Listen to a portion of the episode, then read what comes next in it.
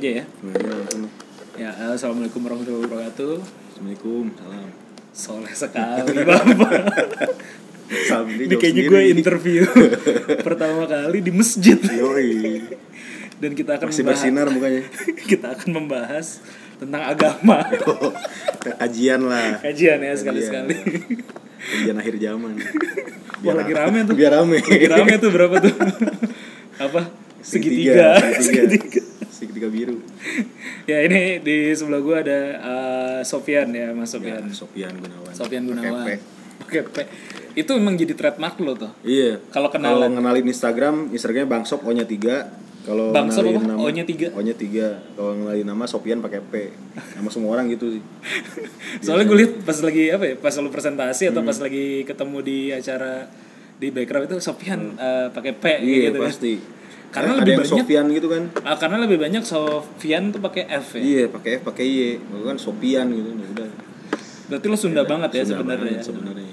Lo bisa perkenalkan diri dulu ini. Oh iya. Eh, nama gue Sofian Gunawan. Gue sekarang mungkin lebih banyak aktif di komunitas ya, di komunitas UX ID sambil kerja juga kerja di WGS sih, jadi masih masih jadi UI designer. Even sebenarnya posisi aslinya jadi full stack designer ya, jadi avatar gitu. Terus kalau apalagi kalau kuliah gue sempat kuliah kemarin belum beres sih masih kuliah di Pixi Ganesha ambil manajemen informatika cuman memang kalau kerjaan sampai hari ini gue belum pernah kerjaan yang di informatika gitu semuanya desain sampai hari ini Hmm, lo S1-nya ambilnya informatika, teknik manajemen in- Oh, manajemen informatika. jadi memang niat gue dulu belajar manajemen tuh memang belajar bisnisnya sama manajemen Hmm. bukan informatikanya malah Iya iya sih. Iya karena gua wajar juga sih. ambilnya di manajemen Hmm, kan. Kalau di wajar. informatikanya mungkin codingnya atau apa. mungkin gue keluarnya lebih cepat ya. semester 2 semester 3 Tapi gue tahu Tapi ini lo masih statusnya mahasiswa aktif kan? mahasiswa aktif sebenarnya. Gue masih dua tahun cuti sih dan belum ada motivasi buat lanjut sebenarnya. Karena lagi sibuk banget serius. Belum kan bikin produk. Terakhir sekarang gue kadang aneh juga. Gue kan kurang terdidik Lo udah berapa tahun kuliah? Gue tanya gitu dulu gue dari 2014 Ayo lima tahun Lima ya. tahun. Lima tahun Gua baru kan- berapa semester? gue udah semester 8 loh Oh udah semester 8 gue terakhir Tapi- ngajuin judul udah ACC cuman Oh. yang lain sidang gue malah ada ko- project di Jakarta waktu itu dan gak ada yang bisa gantiin ya udahlah masa depan ya gak ada yang tahu lah gue bilang Iya lu makanya kemarin pas ke pertama ketemu, ketemu pas di Jakarta tuh gue sangka lo orang Jakarta karena logatnya Iya. Jakarta banget kan. karena kan dulu pertama lulus SMK tuh emang langsung dilepas ke Jakarta aja Lo SMK berapa? SMK 3 Bandung Tiga dulu Bandung. gue multimedia jadi emang fokusnya di video 3D Hmm. Desain lah ya. desain lah cuman kerjaan pertama gue dulu animator Animator di, Di Cimahi. TNI. Oh bukan. Oh, iya dulu TNI kan pengen bikin ini nih video pembelajaran gue bikin animasinya Heeh. kayak animasi pesawat terbang, pesawat landing, pesawat perang kayak gitu. Gue sempat ditugasin di Surabaya setahun waktu itu. Langsung di base TNI-nya tuh tiap hari kerja. Lu di hire sama TNI-nya Di langsung. hire sama satu Ada- company ah, sama- nah, ah. buat kerja sama TNI kayak gitu. Oh. Buat ngerjain produknya lah, project kayak gitu, project base. Satu tahun di, Di Surabaya. Surabaya. Gitu gue sempat kurus-kurusnya tuh 70 kg. Sekarang Sekarang tinggal Cukup dikali dua. Jadi gue ngerasa aman sekarang. Iya, iya. Karena ada yang lebih besar di sebelah. Oh, Jadi gue gua cukup nutupin merasa terlun- terlindungi. Oke, lu kuliah apa? ah, Oke, lulus SMK. SMK berarti tahun 2000 SMK 2012 gitu. 2012. Oh, setahun lu tadi gawe yang Iya. di Di Surabaya, itu. 2015 sebenarnya gue masuk Bandung Mm-hmm. cuman karena gue kuliahnya telat daftar jadi gue masuk ke tahun ajaran 14 gitu Oh, ada tahun ajaran berikutnya Nah, ya. tahun berikutnya Kalau apa namanya?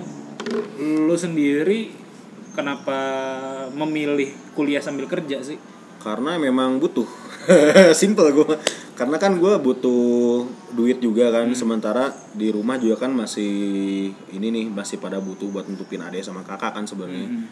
kakak juga kadang gue mesti nutupin kebutuhannya adek juga dulu masih sekolah terus Hmm. ya sambil kuliah karena gue juga butuh ilmu gitu rasa penasarannya nggak bisa ditutupin sebenarnya Hmm. penasaran ngoding akhirnya gue masuk informatika cuman ternyata nggak gue banget gitu Hmm. Oh iya kemarin lu sempat cerita ya Hmm. apa namanya? Ya itu, eh, lu bukan anak pertama tapi lu ikut Iya. turut menanggung Turut lumayan besar juga, lumayan eh, sih keluarga Iya, ya, heeh. karena lagi bokap lagi sakit. Iya, bokap sakit juga kemarin Hmm. kan. Terus ya kakak juga dia lagi berkelana, jadi mau gak mau gue harus survive lah, bantu keluarga buat survive gitu. Iya. Makanya gue sambil kerja, sambil kuliah, kerja kuliah gitu. Cuman so far ya enjoy, sih. Enjoy ya. Gue gak, gak jadi Gak jadi juga. bebannya.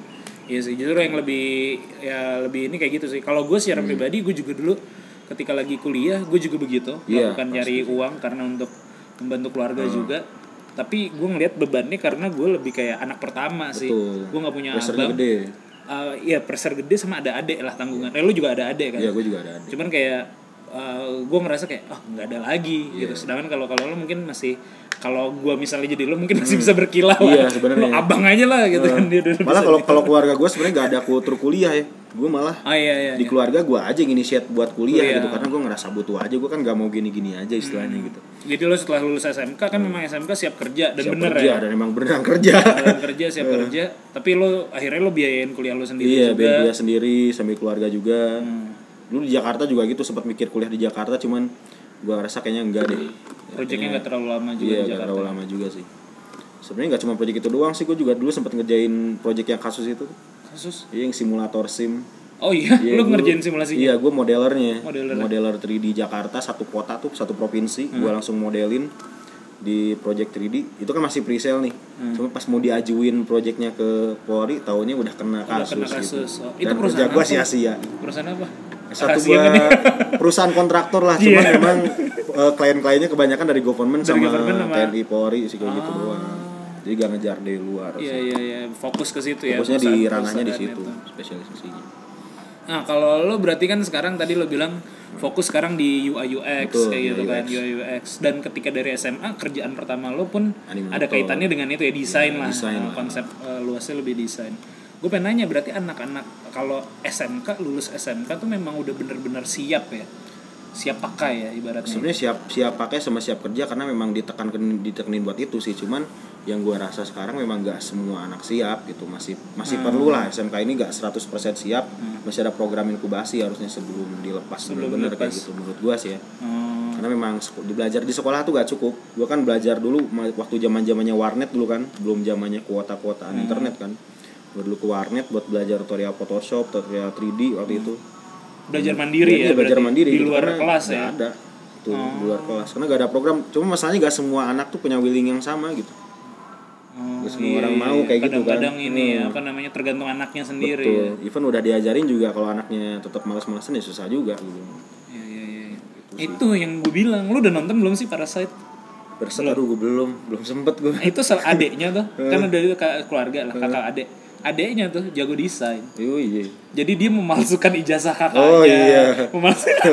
gue pernah seperti itu tapi NPWP ini serius loh. Oh, Maksudnya, iya. itu keren banget bahkan kayak perusahaan apa bukan perusahaan. Kalau yang ijazah itu dia ngambil ijazah dari Amerika atau apa anjir itu lah. gokil ya Gokil banget makanya lagi sih. tren sih itu ijazah Lu coba lu, lu nonton ya. Itu karena ada Iya, iya. irisan.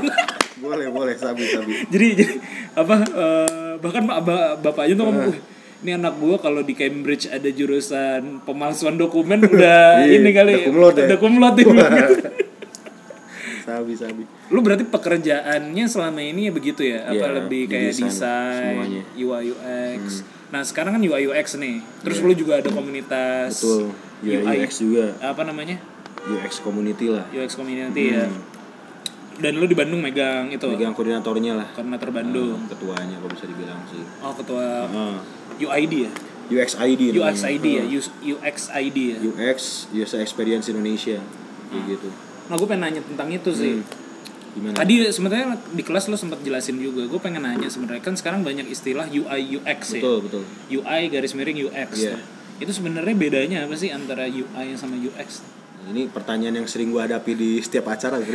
Setiap acara dan setiap lo menjelaskan Cuman kalau misalkan mungkin. iya kalau misal gue sajikan ke diagram yang fan itu yang saling ngiris menurut gue udah gak relevan sih. Menurut gue UX tuh udah overall service gitu overall experience yang lo provide. Sementara UI kan cuman media lo tatap muka doang media interaksi doang. Cuman ada lagi cakupan setelah gue belajar lebih banyak ya ternyata ini semua tuh masuk dalam cakupan service design.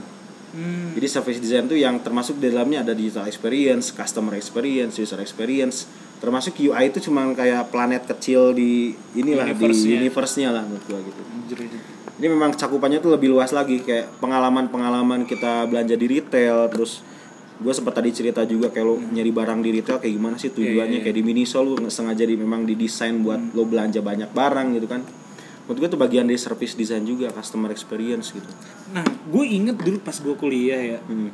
itu tuh yang kayak gitu salah satunya adalah sebenarnya masuk ke HCI. teknik industri so, Iya, bukan TI. malah teknik Oh, iya TI teknik industri karena waktu itu gue sempet compare atau ngobrol sama temen gue yang Hmm. di teknik industri lu belajar apa sih ya gue belajar lo kalau misalnya ada supermarket Iya. eh, kasirnya di mana Iya, nah gitu. itu itu mereka bikin kayak gitu terus flow misalnya kalau di mall. Eskalatornya naik Hmm. Iya, turunnya kenapa? gitu. agar bisa mengoptimalkan apa ya tenan membahagiakan tenan yang ada di situ ada biar pengunjungnya Iya. trafficnya tinggi. Tapi juga tidak sampai mempersulit wah tangganya jauh banget nih bagi bagi peng, Itu yang simpel sih beberapa kasus, kasus yang emang lagi diangkat beberapa tahun terakhir lah. Mungkin yang sering ikutan acara UX atau kayak gitu mungkin udah agak bosan juga ya kayak pintu lah. Pintu oke. pintunya Don Norman itu kan dia yang nulis buku The, Des- The, The Design of Every, Everyday Things gitu ya kayak gitu kalau nggak salah jadi desain itu kayak pintu. Orang-orang kan suka bingung ini dorong apa tarik? Oke ha, terus kadang-kadang ada pintu yang harusnya didorong orang-orang malah tarik. Ha. terus ketika ada pintu yang didorong orang eh, ada yang ditarik orang-orang malah dorong gitu kan. iya pull push itu Iya, ya kalau ada tulisan kadang-kadang gue juga bener. jadi mikir Iya. bodoh amat lah kadang-kadang sementara ternyata setelah dipikir-pikir ada satu rangsangan dari handle pintu. Ketika orang-orang lihat handle pintu kecenderungannya adalah buat narik. Buat narik. Iya dan kalau misalkan ada pintu kalau yang nggak ada handle-nya orang-orang bakal otomatis dorong, fiksinya Oh kayak jadi gitu. sebenarnya kalau mau dipraktekkan bisa jadi kalau mau yang ada dorong nggak usah dikasih Nggak usah handle dikasih ya. handle sekalian. Pasti orang orang-orang dorong. dorong aja. Orang-orang nggak punya pilihan cuma bisa dorong ya dorong gitu. Kalau geser. Nah, kalau geser agak tricky. Kalau geser dia di dalam disembunyiin gitu. Enggak tapi berarti berarti itu adalah UX juga ya. itu UX juga ya? experience juga Nggak, experience jadi kan banyak lah Hmm. kalau singkatnya yang kita rasain Semua yang uh, user akan experience Betul. itu itu didesain. di desain semuanya udah di desain Hmm. malah ada sih yang menarik tuh bukunya yang behavioral economic itu juga menarik sih Hmm. bahas-bahas sama manusia sama bagaimana mereka memutuskan keputusan tuh mengambil Mengambil keputusan, keputusan, nah. pertimbangannya apa aja itu juga menarik sih kalau menurut gue Nah tadi gue kenapa gue sebut ada teknik industri di situ? Hmm. Eh, soalnya kalau dalam mindset eh, yang lebih sederhana ngomongin desain kesannya tuh anak DKV, Iya. anak desain grafis, anak anak eh, seni rupa lah pokoknya Betul, anak betul, desain betul, lah. betul, betul. Sedangkan pas gue lihat waktu itu oh anak TI juga bikin flow kayak gitu. Iya. Bahkan ada temen gue TA-nya tuh ya yang termasuk ini gue juga dia dia TA-nya tuh flow antrian kayak gitu. Mm-hmm. Lo antara memilih misalnya kalau di contohnya ya kalau gue kasih contoh itu kalau yang antrian lo lebih memilih mana? Antrian dengan ada tiga loket dan masing-masing ada antriannya atau tiga loket satu antrian panjang? Eh, jadi kan misalnya ini ada tiga loket nih. Iya, iya. ada di sini ada antrian di sini ada antrian di sini ada antrian. Kelihatannya lebih pendek. Betul. Tapi eh, apa masing-masing gitu. Atau tiga tapi cuma satu pintu. Hmm. ininya jadi lebih panjang tapi eh, ujungnya ini bisa ke sini bisa ke sini bisa ke sini gitu Yes. itu ada ada, Ada kecenderungan ada sih emang. Hmm. kecenderungan itu kan experience juga ya betul mirip ini kaleng kerupuk orang-orang lebih tertarik ketika disodorin tiga buah toples kerupuk nih Hah? terus ada satu toples yang kerupuknya sisa dua yang satu lagi penuh orang-orang bakal cenderung ngambil yang toples yang kerupuknya sisa dikit oh karena kesannya kayak udah habis iya kesannya kayak oh orang-orang pada ngambil di sini Betul, gitu betul. gue ngambil juga Betul, betul. gitu sama kayak pricing ya kan kalau kalau di website tuh dulu diajarin Nah. kasihlah tiga pricing. Betul. Uh, pricing A paket ini, pricing B paket ini, paket pricing sebenarnya mau ya. kita jual yang B nih, Hmm. tapi kan di, kita bikin tengah, jadi orang-orang relatif milih yang lebih tengah gitu kan karena nggak terlalu Hmm. ada satu trik banget. juga sih yang udah lama kayak kita di e-commerce nih. Ada nampilin stok barang di satu buah produk terus ada satu buah balon kecil di pojok kiri tuh. Balon, oke. Nah, 17 orang lagi melihat barang ini. Ah, iya iya. yang Kayak secara Traveloka eh, saat ini yang lu lagi melihat ini tinggal satu yang itu bakal merangsang gua Langsung jangan sampai sekarang nih." keduluan Iya, gitu iya, iya, iya. itu juga udah dirancang Iya, sebenarnya dirancang. ya. Berarti itu adalah keputusan-keputusan udah dirancang sebenarnya Berarti itu experience ya, user Experience experience, banget. Berarti desain yang di-create di sini konteksnya benar-benar luas Iya. ya, bukan cuma dalam artian bikin gambar. Betul. Tapi experience orang Cuman- menghadapi suatu situasi. dari basicnya aja sih menurut gua cara orang menafsirkan desain juga agak kurang Ah, iya, ini iya. sih kurang luas gitu orang-orang kan nafsirin desain sebagai sesuatu yang visual sebagai sesuatu yang apa ya yang seni atau Hmm. artsy atau gimana ya. Cuma menurut gua desain itu kan dari bahasa juga udah rancang sebenarnya. Perancangan. Oh, desain iya, itu kan proses betul. perancangan. Kita Betul, bikin bisnis model desain itu juga perancangan bisnis model, model, kan bukan betul, kita mendesain balon-balon atau Iya, desain iya, buat iya, iya, bisnis iya, gitu iya, kan. iya. Dari bahasa juga udah beda sementara Iya, orang-orang desain tuh- rancang ya bahasa desain grafis aja kita kan layout grafis dirancang supaya gimana caranya informasi nyampe kan Betul, betul, bukan kita bikin seni karena Bu- iya, kalau betul. kita bahas desain ya Bukan ada nilai art ya. fungsi iya beda sama seni seni itu ketika dinikmati menimbulkan pertanyaan Nah, Sementara kalau desain, desain itu menjawab, menjawab ya. menjawab itu. Lo itu itu menurut lo salahnya di mana ya? Apa eh, asal usul salahnya? Menurut gua ya, beberapa gua gua ini ada fakta unik juga. Gue nggak tahu, eh, mungkin gue belum gue belum pernah survei ya. Maksudnya Iya. apakah semua orang memahami desain dengan bayangan gue tadi gambar gitu ya visual Iya. gitu atau banyak yang lebih Cuman luas? gimana ya, gue juga gak ngerti kayak ada karena satu kampus swasta tuh di pusat kota Bandung, dia kan ada DKV-nya. Cuman lulusan DKV yang bener-bener ngerjain digital design produk tuh jarang banget satu angkatan cuma ada satu atau dua orang dan ternyata selebihnya. menurut mereka desain itu adalah seni gitu. oh, salah Everything, kaprah iya, dong. everything I do I learn here ya buat for the sake of the art gitu. Salah kaprah ya Salah berarti ya. kaprah gitu. Ah, ya, makanya tadi kembali ke jurusan gue lihat anak engineering, TI, teknik industri, Iya. Teknik industri melakukan desain kan dalam Betul. tanda kutip ya, ya bener, bukan dalam tanda kutip ya beneran. Ya, desain emang desain. rancang, rancang sesuatu kan. sesuatu Iya. gitu ya. Berarti nggak memang spesifik, justru malah menurut lo bukan spesifik kerjaan anak seni ya? Enggak. Kalau seni kan justru dia menimbulkan sesuatu yang jadi visual pleasure kan. Ya ya ya. ya memuaskan ya, hasrat menarik, kan? visual, multitafsir kayak Menarik, segitiga, kotak. itu kan seni gitu, segitiga. multitafsir gitu. Kalau desain kan fungsional dan lain-lain fungsi, Hmm. meskipun di dalamnya ada seni juga gitu jadi komponennya. Ah ya ya ya. Luas ya berarti. Luas sebenarnya kalau bicara Hmm. soal desain, terus service design, customer experience design, Iya, banyak sih. Nah makanya waktu itu gue sempat baca ar- artikel di LinkedIn ya dua tahun yang lalu lah. Hmm. Dia bilang tuh ya 10 profesi yang akan maju di ke Iya. depan. Ya oke disebut juga programmer dan segala macam.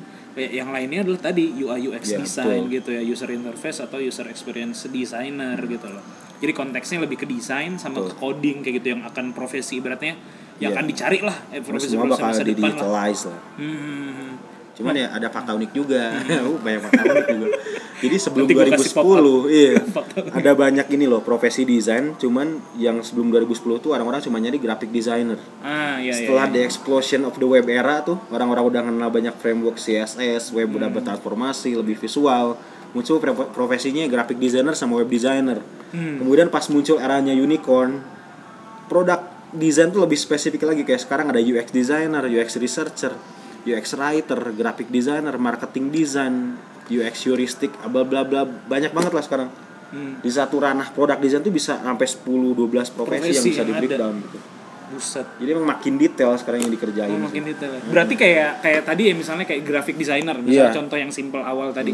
Itu menurut lo hanya pencalan kecil dari Iya. dari konsep besarnya. Terus juga kayak web designer. Web designer. Gue melihat itu karena industri sih. Karena industri kan Ah, waktu industri itu cuma ya. butuh graphic design Grafiknya. doang buat advertising mungkin atau ya buat layout koran Web gitu kan. Cuman dan, the end dan berubah. artinya apa yang dikerjakan? Misalnya tadi gue balik lagi pertanyaannya.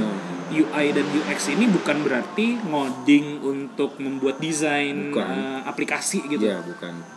Lebih ke merancang gimana caranya kita bikin aplikasi yang apa ya lebih suitable buat penggunanya lah Hmm. bisa deliver yang memang usernya butuhkan gitu dan gak overkill juga karena menurut gua salah satu peran krusial sekarang tuh UX designer gitu karena lu harus juga jadi brand brand user apa brand apa ya brand selain juga jadi ngangkat brand lu juga harus jadi user advocate gitu Ah, lo yang apa sudut pandangnya sudut pandang user iya lah. sudut pandang user lagi udah bukan udah cuma bisnis lah gitu Hmm. cuman sebagai UX designer juga harus lihat bisnis goalsnya juga sih makanya agak berat gue lihat ya. role-nya UX designer sekarang lo ngerasa ini gak sih apa namanya ya eh, oke lah dari sisi profesi itu Hmm. peluangnya banyak dan segala macam atau dari sisi tadi ya kira-kira pekerjaannya luas atau segala macam Iya.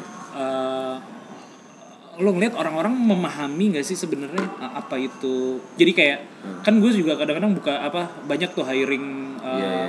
UI UI designer apa segala macam kadang-kadang pemberi kerja juga belum Iya belum masih paham ya ya. sebenarnya Iya sebenarnya. Pilih ke kebutuhan sih menurut gua karena kalau gua lihat semua orang udah punya concern ke situ. Cuman Hmm. Orang-orang masih belum mengerti 100% karena ke- ketika mereka hiring kan. Hmm. Gua hiring UX designer dan gua expect lo mengerjakan every UX designer job sama every UX designer things lah. Hmm. Artinya gue pengen kehadiran lo ada impactnya, cuman orang-orang kadang nggak tahu impactnya apa gitu. Jadi dia ujungnya kayak desain lagi, desain lagi gitu menurut gua.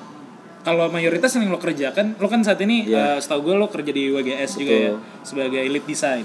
Sebagai Eh, ya, senior designer Senior lah. designer. Nah, avatar lah. Avatar tadi. Yang lo kerjakan itu apa? Eh, realnya? Nah lucunya di WGS adalah kalau WGS ya? responsibility gue tiap project tuh beda-beda. Gue bisa di assign di role di project satu role nya sebagai UX designer Hmm. project 2 gue sebagai researcher project ketiga gue sebagai front end bisa jadi project terakhir gue sebagai bug fixer. Serius dan gue pernah ada satu bug project. fixer ya? Bug fixer. Bukan Gua- cuman QA ya? Bukan QA gue bug fixing. QA finding bugs gue Hah? fixing. Fixing literally fixing, fixing. HTML nya CSS nya front end nya crazy lah itu. Berarti itu nggak ideal Nggak ya. ideal, nggak tapi ideal. Hmm. kalau dalam konteks kedesainannya berarti lo tadi eh, idealnya adalah lo mentransformasi keinginan klien jadi suatu produk eh, yang memenuhi kebutuhan mereka. kebutuhan mereka. Dari sisi desainnya apa perancangan Produk dan sih. eh, oh produk ya produk betul produk. Sama fitur. Berarti lebih Makanya- lebih luas ya sebenarnya. luas banget sebenarnya. Gue pas project terakhir yang sampai gue bela-belain cuti kuliah itu kan. Hmm. Gue karena gue dapat satu buah project di Jakarta gue kesempatan buat langsung meeting sama CEO satu buah bank swasta. Hmm. Jadi gede nih. Gede gede ya lumayan gede lah. Ya di Jakarta. Terus lokasinya daerah Sudirman adalah. Hmm. terus ya gue tiap hari kesempatan buat meeting sama mereka gitu. Gue nebak-nebak gitu. Oke oke. Iya dan gue dapat banyak insight.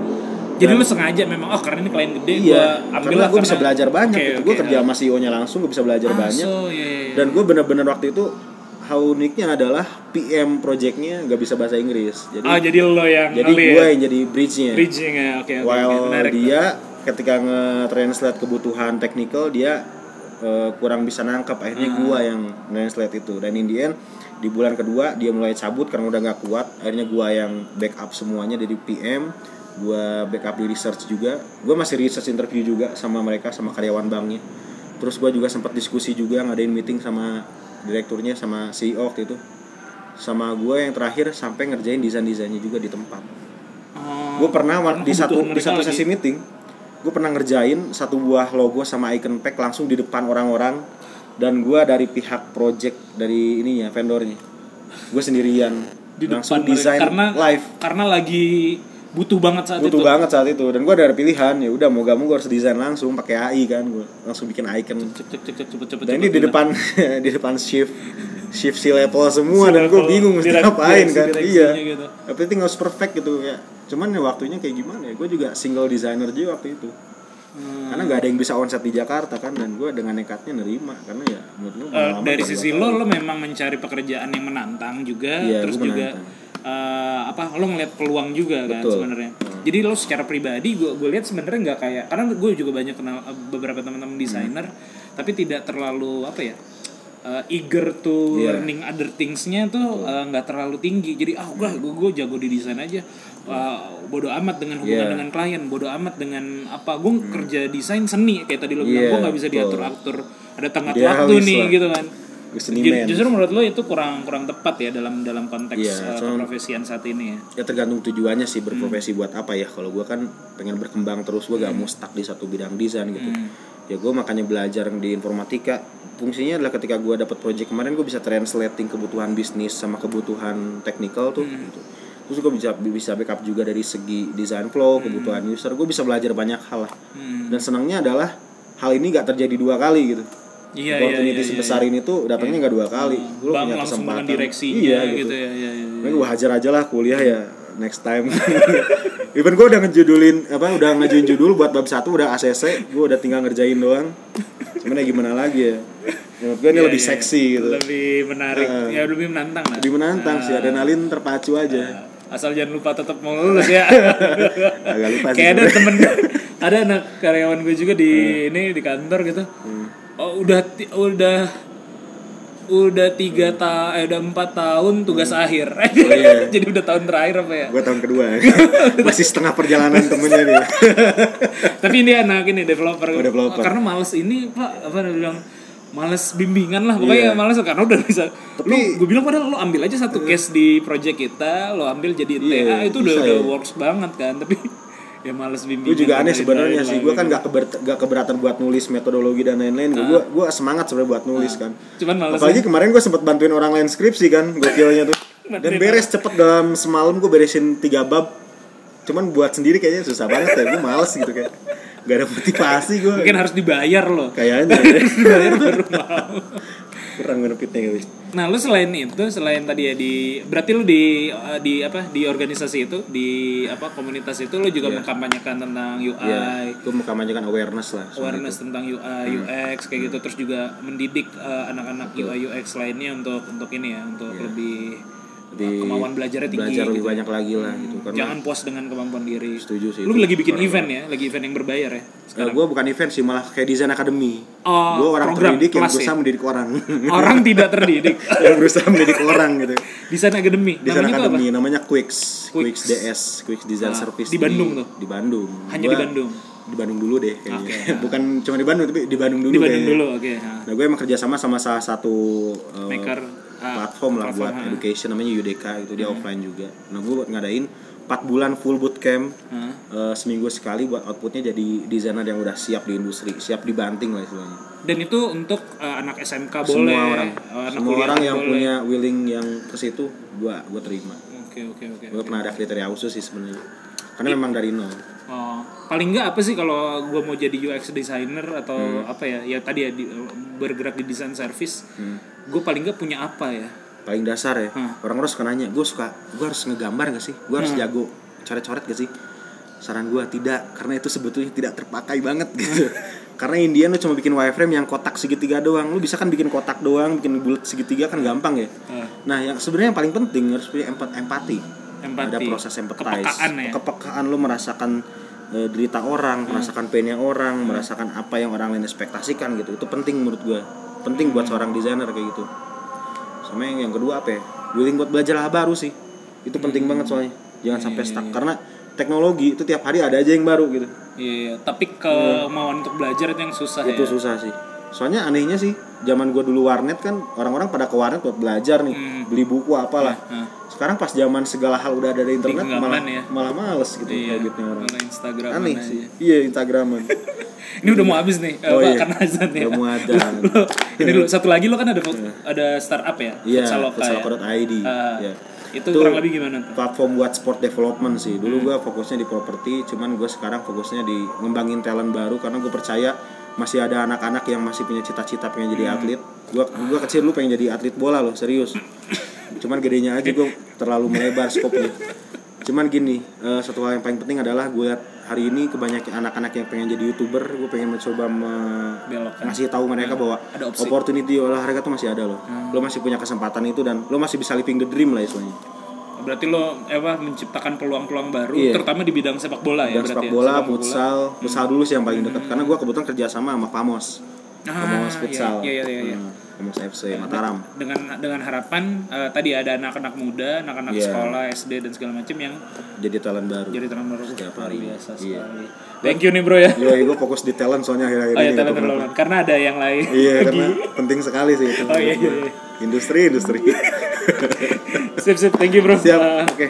Thank ya, you. sekian semuanya. Assalamualaikum warahmatullahi wabarakatuh. Bye bye. Azan. azan. Makin gelap bu. Iya, makin gelap.